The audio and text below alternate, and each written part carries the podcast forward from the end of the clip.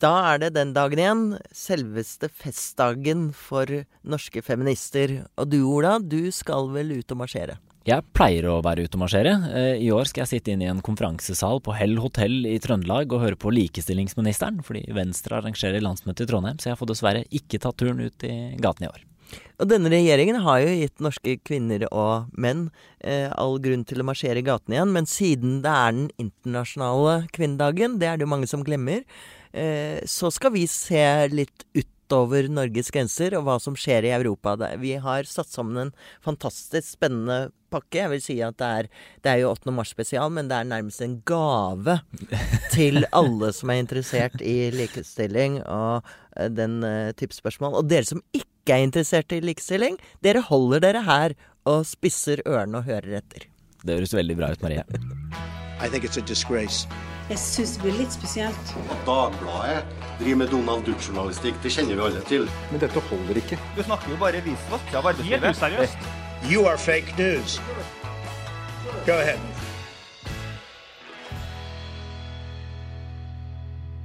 Vi har en uh, jubilant uh, hos oss i dag.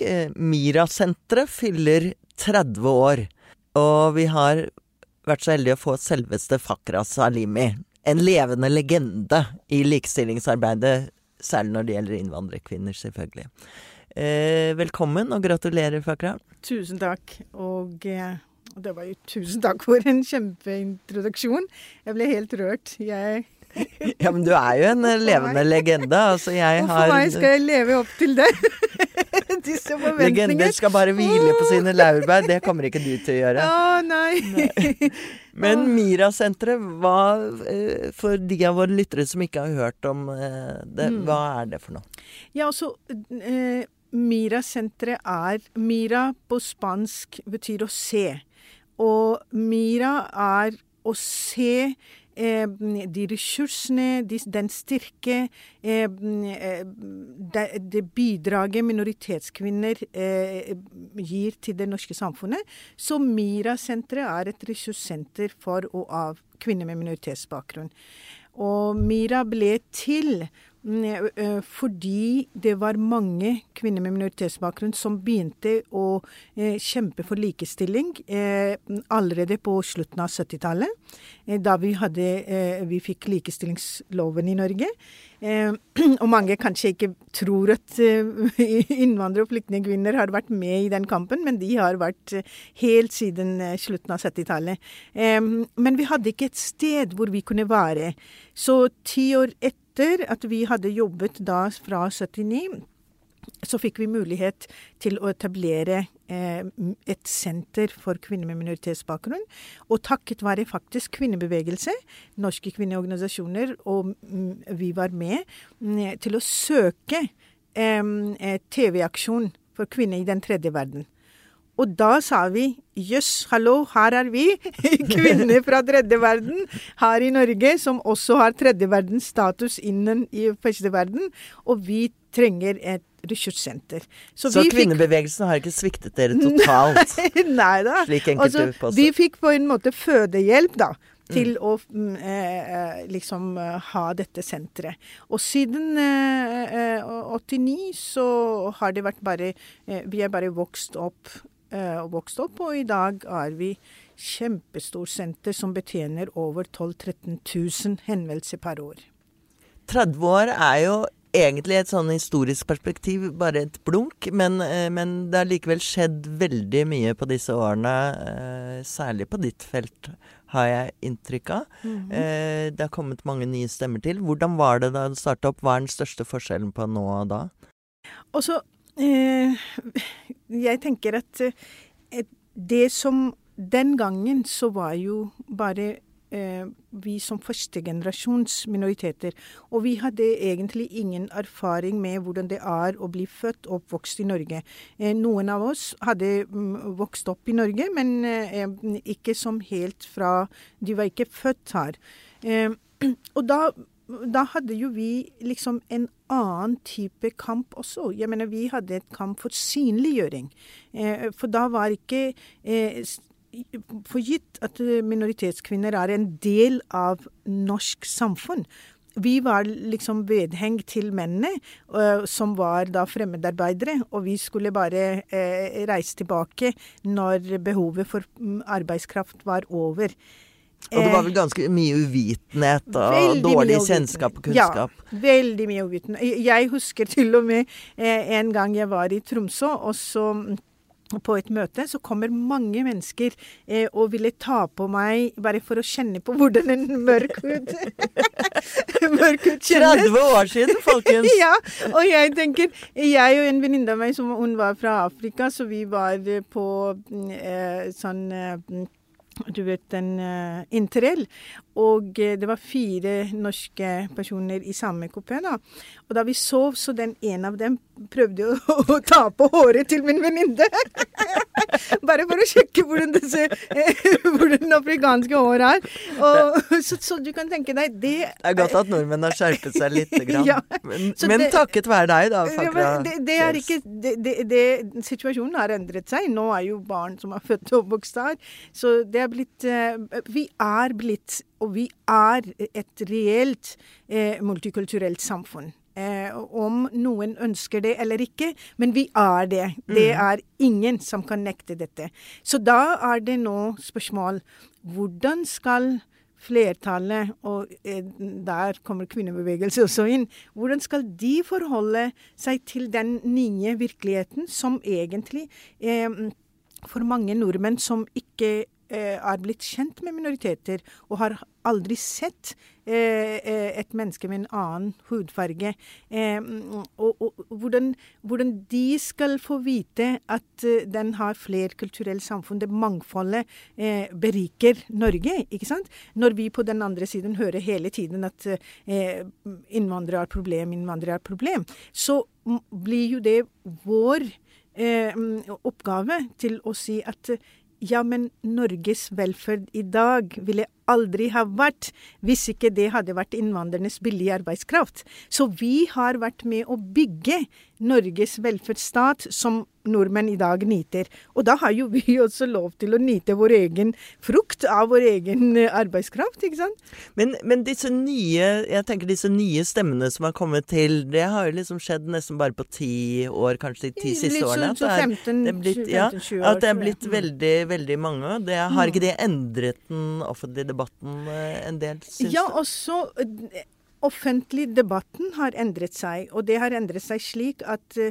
nå, takk og pris, det er ikke bare Fakhra Salimi eller noen andre få som behøver å, å komme inn i media hele tiden, men nå er det unge stemmer som sier 'vi er norske'. Og de sier den med den trygghet som egentlig bare en nordmann eh, eh med minoritetsbakgrunn kan gjøre. Mm, eller nordkvinne, for den saks skyld. Tenk på det! At språket er så kjønnsbestemt, så vi må nesten Kanskje det er du som får endelig endret det? så vi må nesten forandre den her nordmann-greia. så, så, så, så du kan tenke deg at de tar det for gitt at de må ha samme rettigheter. De er ikke som deres foreldre som sa å, vi må være takknemlige for at Men er de gode altså. feminister også? Jeg syns uh, de er gode feminister, for feminismen er jo å kjempe for rettigheter. Og når du kjemper for rettigheter, så kan jeg definere hvilken som helst person som eh, innenfor eh, rammen av feminismen. da, ikke sant? Så jeg tror mange av dem er feminister også, mm, eh, særlig unge jenter. F.eks. Skamløse, de jentene. Det er fantastisk arbeid de holder på med. Mange jenter som mm, vokser opp i muslimske miljøene også, de utfordrer eh, den konservative islam. For når du snakker om det, så er det jo også unektelig hvert fall i enkelte miljøer, en del mm. æreskultur og fruktkultur som, eh, som må utfordres. Absolutt. Eh, føler du at eh, disse jentene, og guttene for så vidt, er flinke til å ta den kampen? Eh, det er ikke bare det at de er flinke til å ta den kampen, de er jo vokst opp med den kampen. Og husk at de har klart seg eh, mm, Hvis man ser fra hvit norsk øyne, så kunne jo ingen av jentene hadde klart seg bra, bra, hvis vi bare kunne ha fokusert på negativ sosial kontroll og eh, areskultur og sånn. Men du ser hvor fantastiske jentene er, og jentene har klart seg faktisk bedre enn gutter. Så det betyr at noen bra skjer i disse miljøene også. Ikke sant? Er dette Stoltenberg-utvalget snakket om? De gutta er håpløse. Nei, Nei da, da, det er er de ikke. Mm. Ikke Ola. De er ikke håpløse. Nei. Eh, jeg tenker at, uh, at eh, hvis du ser frem i 30 år i tid, vil, eh, vil du Tror du da at det fortsatt vil være en sånn slags skille mellom din eh, likestillingskamp og den derre majoritetssamfunnets likestillingskamp, eller vil det smelte litt sammen, enda mer sammen? Jeg tror de er nødt til å komme sammen. Mm. Eh, Uansett om de ønsker det eller ikke. Eh, fordi når La oss ta bare én ting. At folk sier mm, eh, innvandrere må integreres, innvandrerkvinner må endres. Men samtidig så kjemper jo norske kvinner også for endring. Ikke sant? Så vi kan ikke eh, integreres i et samfunn som ikke er perfekt. Eh, Så, så det betyr for å skape et perfekt samfunn, så må jo vi kjempe sammen. Så, det, det, så da kommer jo vi er nødt til å komme sammen. Og vi er nødt til å finne felles plattformer. Mm, Og, og særlig mener jeg at kvinnebevegelse har den potensial, fordi kvinnene opplever den type marginalisering, diskriminering, og hele den her eh, metoo-debatten nå. Eh, den svarte kvinne har jo kjempet den lenge, lenge før hvite kvinner Det var der den startet. på-. Ja, ikke sant? Ja, definitivt. Så derfor syns jeg at vi kommer til å finne eh, og- vi har allerede ganske mye felles eh, til felles, så vi Det kommer har, til vi, å finne det. det har vi definitivt. Jeg har hatt Absolutt. eh, gleden av å være sammen med deg flere, eh, på flere arrangementer og tiltak. Så eh, jeg må bare gratulere deg masse igjen. Eh, I dag får du besøk av selveste dronningen, men du er eh, dronningen med innfakra. Å, tusen takk, tusen takk. Og du er min dronning. Så vi må eh, ha samme Liksom, vi må ha drømmer som virker kanskje utopia, men det er det visjonen vi skal kjempe mot. Så herlig.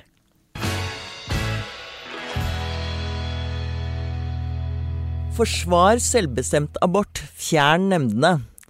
Kjent på den eh, teksten der, det er altså hovedparolen 8. mars 2019. Du skulle jo tro at det var eh, fra 70-80-tallet, dette her. Men eh, det skyldes jo da denne famøse innstramningen, innstramningen som regjeringen har gjort i abortloven når det gjelder fosterreduksjon. Og det fikk, var det KrF som fikk igjennom, og Kjell Ingolf Ropstad er jo blitt ansiktet for den endringen og møtt mye kritikk. Noen syns jo selvfølgelig at dette ikke er så farlig, og endringen er ikke så stor, og det er jo et marginalt fenomen og slike ting. Men, men andre ser det også som for det første at det er en av den første innstramningen på, på lenge i abortloven. At det er et viktig eh, noe man skal protestere mot uansett.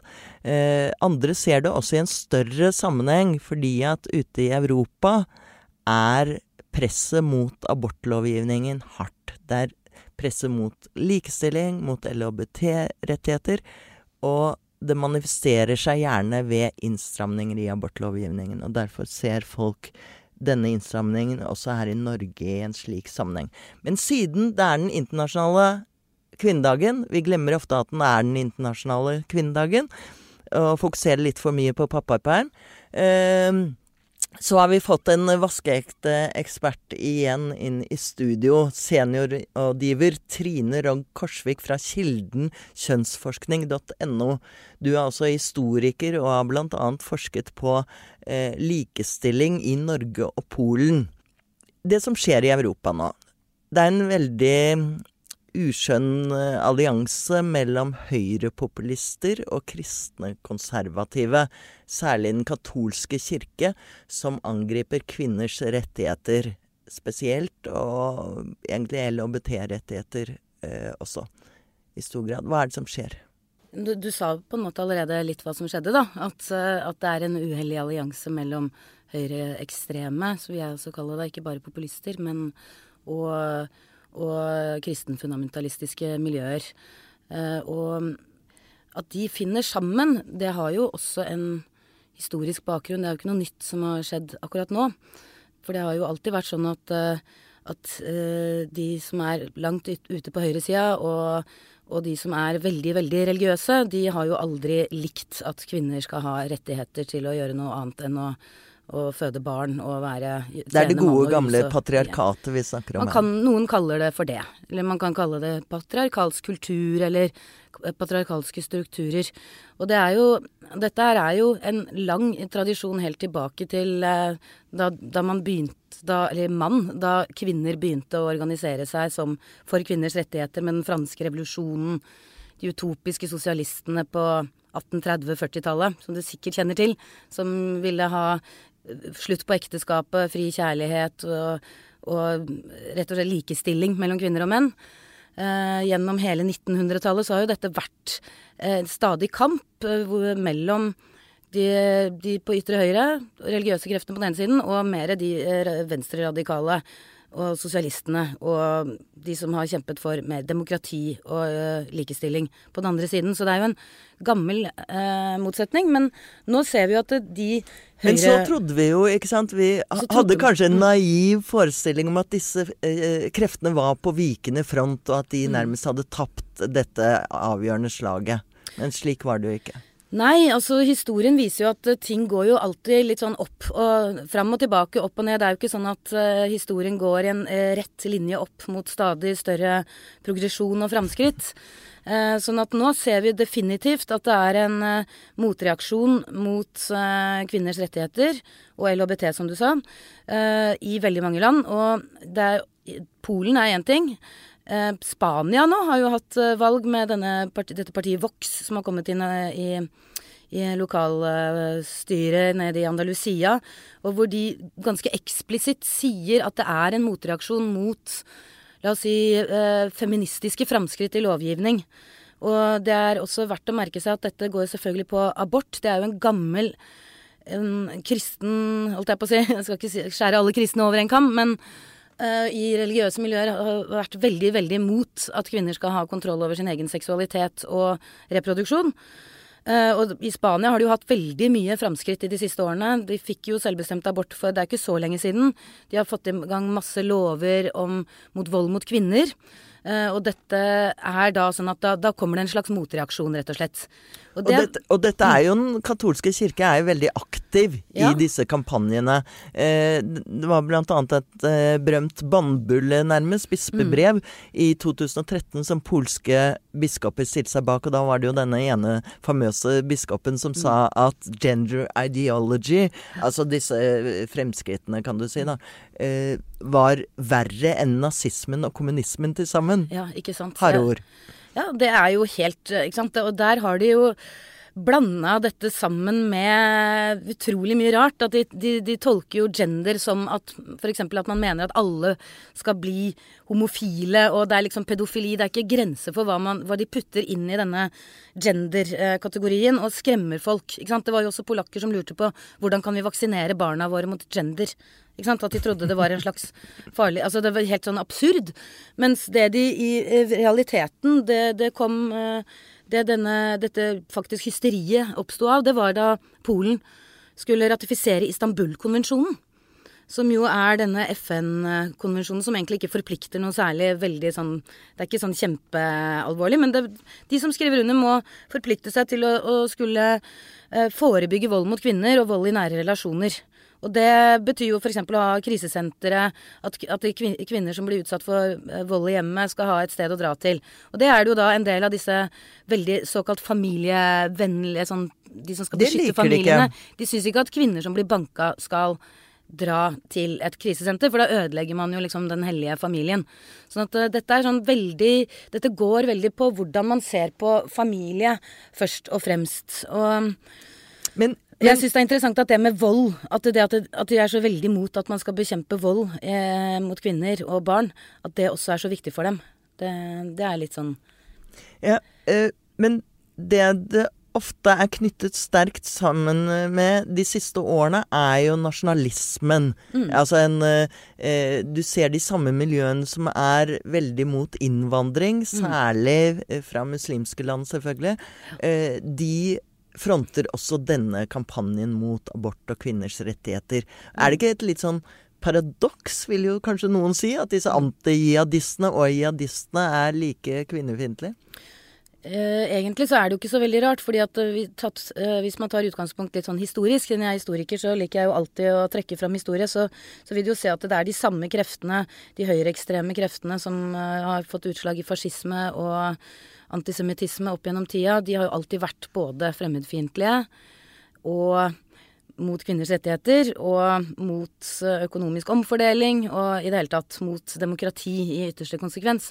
Sånn at de finner det som er nærliggende for dem, at nå er det muslimer som er liksom de fremmede. Så, er ikke, det, så det, det, følger en slags logikk sånn historisk sett.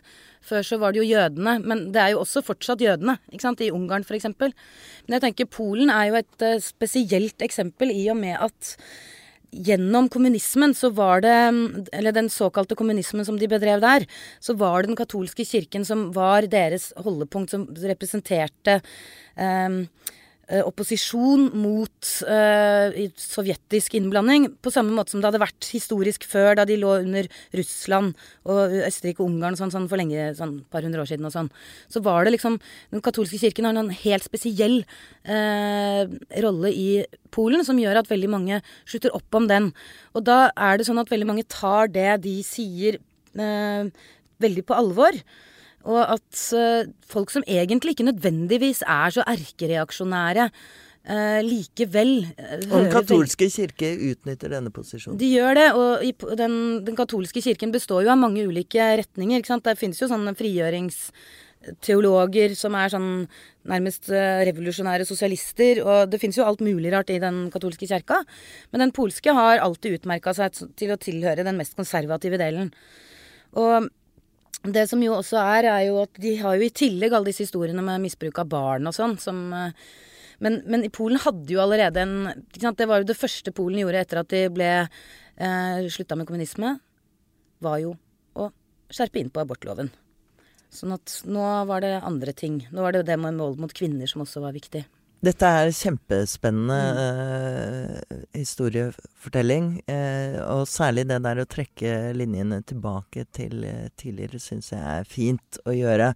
Eh, men hvis vi skal se litt fremover nå, er hva er eh, redningen, løsning på dette her? Jeg regner med at den radikale kvinnebevegelsen ikke er så begeistret for at EU eh, e plutselig kanskje står frem som en slags sånn liberal nødhavn. I Norge gjør de nok kanskje ikke det, nei. Men i Europa, altså tilbake til Polen, der er det definitivt sånn at de ser på EU som en garantist for eh, kvinners rettigheter og andre minoriteters rettigheter. Dette henger jo også sammen med ikke bare LHBT, men også la oss si eh, sigøynere eller romafolk og andre minoriteters rettigheter som er sikret i EU. Men samtidig så ser vi jo at EU er et litt sånn toegget sverd. fordi i Hellas for eksempel så er det jo EU som ses som ansvarlig for disse veldig voldsomme kuttene som har rammet kvinner veldig hardt, i og med at de tjener dårligst og sånn. Så det ikke bare, vi skal ikke bare se på de liberale i EU, men også hva de gjør økonomisk. Det er klart. Eh, tusen takk for at du kom, med, Trine Rød Korsvik. Det var det veldig var så spennende. Litt. Da er vi kommet til ukas utspill, og ikke overraskende så handler det litt om likestilling også. Jeg var litt redd da vi laget denne institusjonen Ukas utspill, at det bare skulle ende med lave terningkast. Særlig hvis vi bare hadde politikere politikeres utspill. Ja, og Arbeiderpartiet har jo gjort sitt, da, kan du si, og regjeringen for så vidt, til at vi kan lage mange kritiske gode utspill på hva de holder på med. Men eh, hvis vi går eh, bort fra politikerne, så er det faktisk mange som har fornuftige, gode ting å komme med. Og særlig ungdommen, Martine Aurdal.